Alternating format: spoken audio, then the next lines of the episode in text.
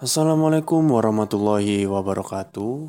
Halo semuanya, jumpa lagi dengan saya Chow Sing Sing, kurator dari podcast Horror Night Story. Seperti biasanya, pada malam hari ini saya akan membacakan sebuah cerita ya, pengalaman mistis lebih tepatnya. Cerita kali ini kiriman dari Mas Sakti dan pengalaman ini dialami olehnya dua tahun yang lalu pada saat dia masih kuliah. Seperti apa pengalamannya? Mari kita simak. Cerita ini adalah cerita dari dua tahun yang lalu saat aku sedang menempuh pendidikan di sebuah perguruan tinggi yang ada di timur Pulau Jawa. Saat itu bulan Agustus 2018 aku sudah masuk di semester 7 Yang mana pada semester itu seluruh mahasiswa wajib untuk melaksanakan kegiatan magang kerja Magang kerja ini diikuti oleh 32 kelompok yang terdiri dari 4 sampai 5 orang mahasiswa. Dan aku berada di kelompok 3. Tempat magang kerja yang kelompok kami ambil adalah sebuah pabrik. Lebih tepatnya adalah sebuah pabrik gula yang sudah berdiri pada masa kolonial Belanda. Di tempat tersebutlah magang kerja yang akan kami laksanakan selama tiga bulan. Pabrik gula ini berada di kota tetangga Jarak tempuh dari kampus kami sampai ke pabrik gula ini adalah 4 jam perjalanan. Kegiatan magang kami dimulai pada bulan September 2018. Pada saat kami magang, memang tidak mendapatkan tempat tinggal atau mes, dan akhirnya kami memutuskan untuk menyewa kos selama satu bulan. Setelah satu bulan melaksanakan kegiatan magang kami, saya ditawari oleh seorang mandor pabrik untuk menempati rumah dinas atau yang biasa disebut warga sekitar itu loji. Loji itu sebutan bagi rumah orang Belanda ya zaman dulu gitu. Sang mandor memang tidak meminta bayaran Beliau hanya meminta untuk membersihkan loji setiap minggu karena beliau jarang menempati loji tersebut. Setelah saya mendapatkan tawaran untuk menempati loji tersebut, saya mengajak teman satu kelompok untuk ikut pindah. Uh, kemarin aku dapat tawaran nih buat nempatin loji. Ya nggak usah bayar, Cuman si mandor ini minta buat jaga kebersihan aja di sana. Gimana? Kalian mau nggak? Kataku. Setelah aku tanyakan ke teman satu kelompok, mereka menolak. Enggak deh, kita bertiga nggak mau ngerepotin Pak Mandornya. Karena mereka tidak mau untuk menempati loji, akhirnya saya memutuskan untuk menempati loji sendirian karena saya sendiri terlalu berat untuk membayar biaya kos yang cukup mahal. Pada keesokan harinya, saya bertemu dengan mandor pabrik dan berniat untuk melihat terlebih dahulu kondisi loji yang akan saya tempati. Pak, mohon maaf untuk tawaran Bapak kemarin Buat nempatin lojinya boleh saya lihat dulu nanti sore? Kataku. Beliau pun menjawab Ya silakan dek. Saya di sana sampai maghrib kok Katanya. Saat sore tiba Saya datang untuk melihat kondisi loji yang akan saya tempati. Rumah besar bergaya Belanda yang memiliki halaman depan sangat luas di sana terdapat sebuah pohon besar yang kelihatannya sudah cukup tua. Loji tersebut terletak di luar kompleks pabrik. Rumah besar yang memiliki tiga kamar tidur, ruang tamu, dan ruang keluarga, serta kamar mandi yang terpisah dan berada di luar bangunan rumah.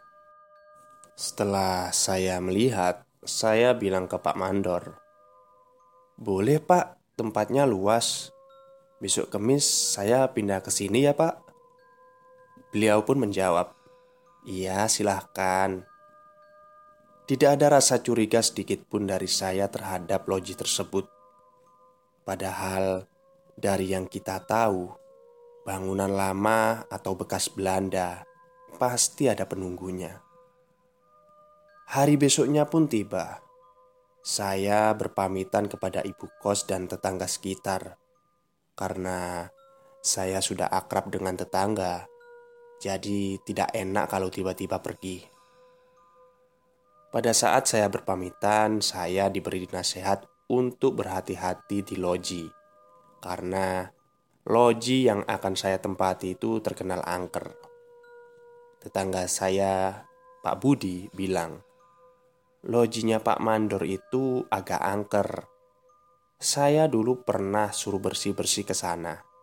Saat saya bersih-bersih di ruang tengah, ada suara anak kecil dari kamar, padahal Waktu itu saya sendirian.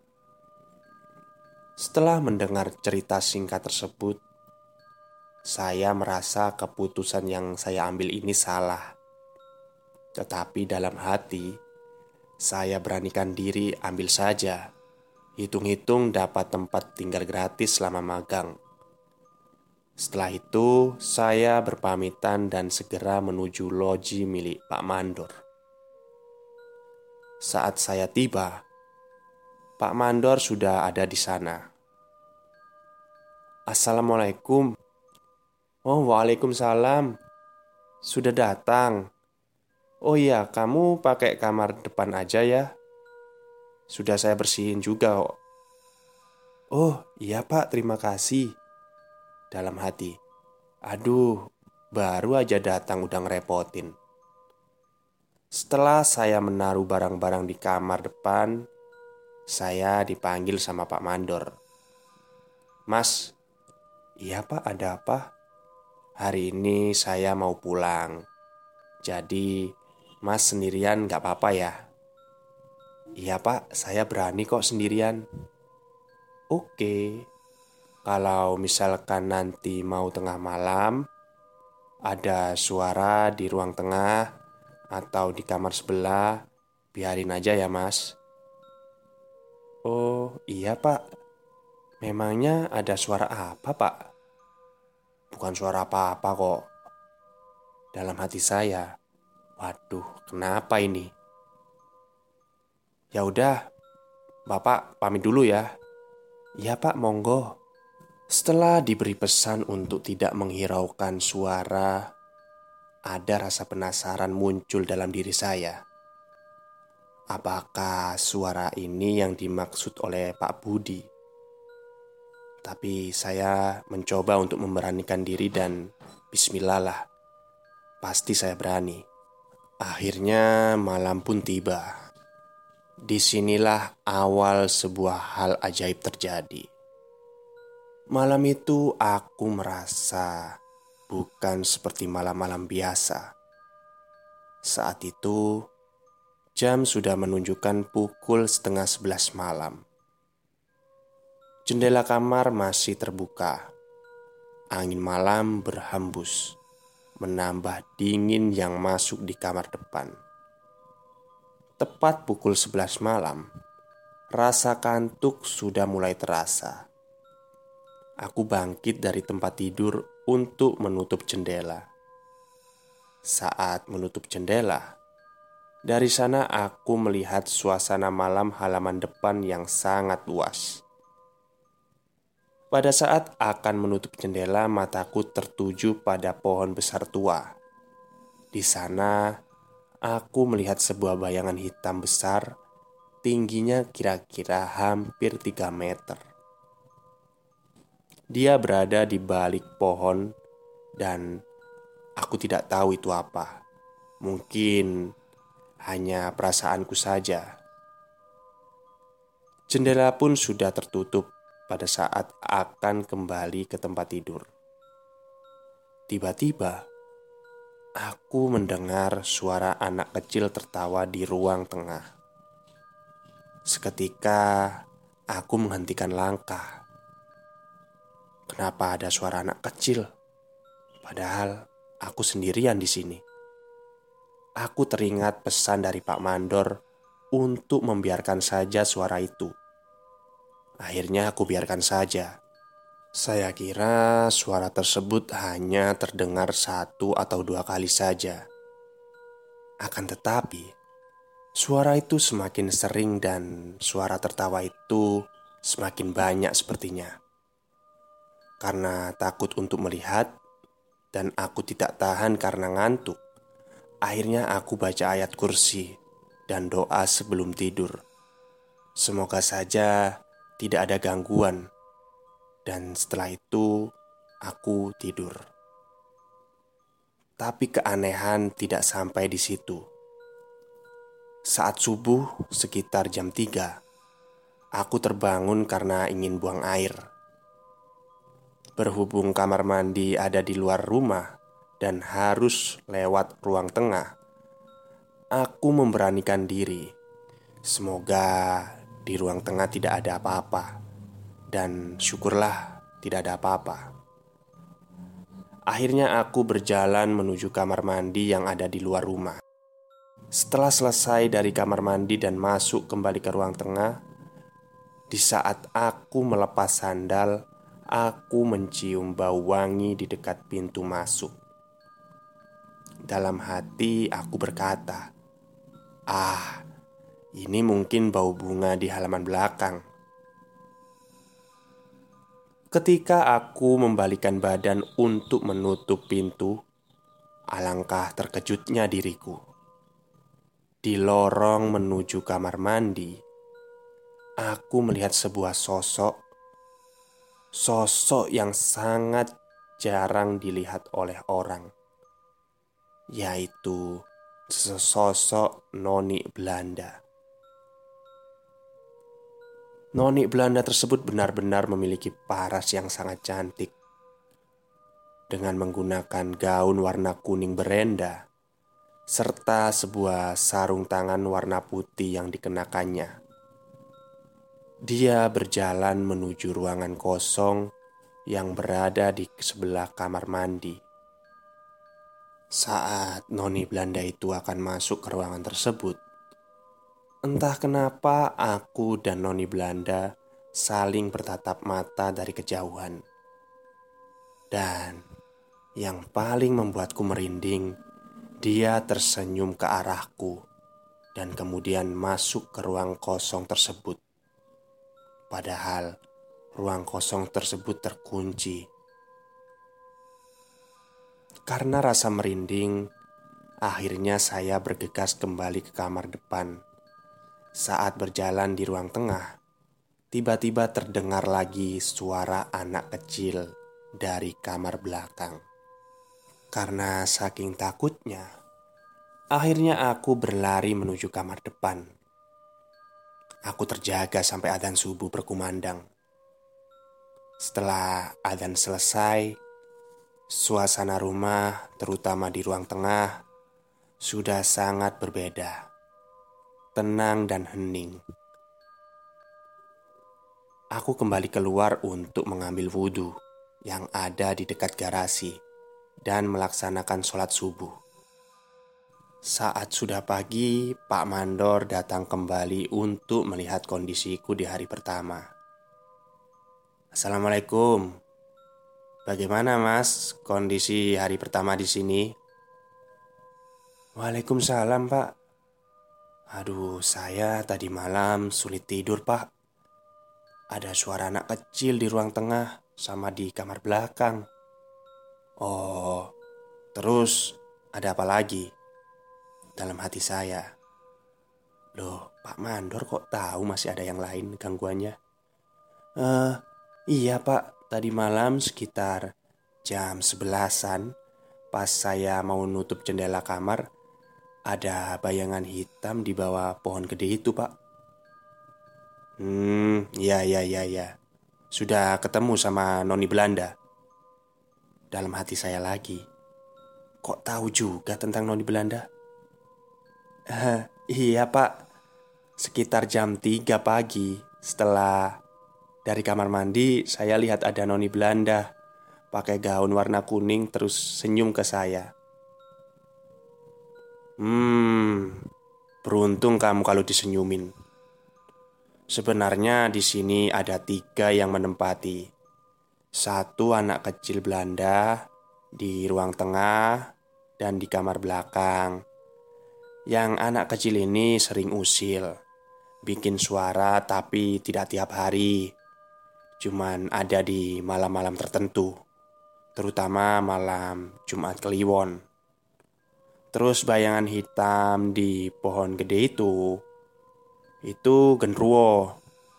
Dia nggak ganggu, cuman pingin tahu aja siapa yang baru datang nempatin loji di sini. Dan Noni Belanda sama seperti genruwo di depan. Noni Belanda ini cuma nunjukin diri di awal aja kok. Dia nggak ganggu. Oh, seperti itu pak, kataku sambil tersenyum. Setelah diberitahu oleh Pak Mandor kalau saya tidak sendirian di sana, saya jadi merasa agak tenang karena sudah tahu siapa saja yang ada di sana. Dan akhirnya saya terbiasa dengan kondisi loji ini sampai kegiatan magang selesai.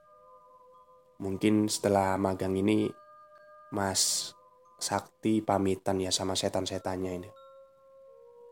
Dan di hari terakhir aku tidur di loji, aku melihat kembali Noni Belanda berjalan melintas di pintu depan kamar yang aku tempati. Dalam hati, saya berpikir, "Oh, mungkin dia salam perpisahan karena saya mau segera pindah dari sini." Ya, begitulah kira-kira cerita dari saya. Oke, terima kasih kepada Mas Sakti yang sudah mengirimkan kisah mistisnya atau pengalaman seramnya Memang bangunan Belanda itu kental dengan suasana mistis ya. Selalu dikaitkan dengan hal-hal angker.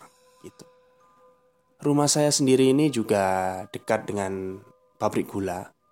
Tapi istilah loji ini baru saya tahu ini, ini tadi atas cerita ini tadi.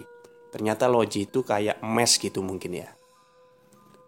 Uh, dulu waktu kecil saya pernah main di pabrik gula bersama teman saya tiga orang. Dan waktu main itu saya dipanggil oleh kayak dandanannya itu kayak bule gitu. Tapi kayak dandanan tentara.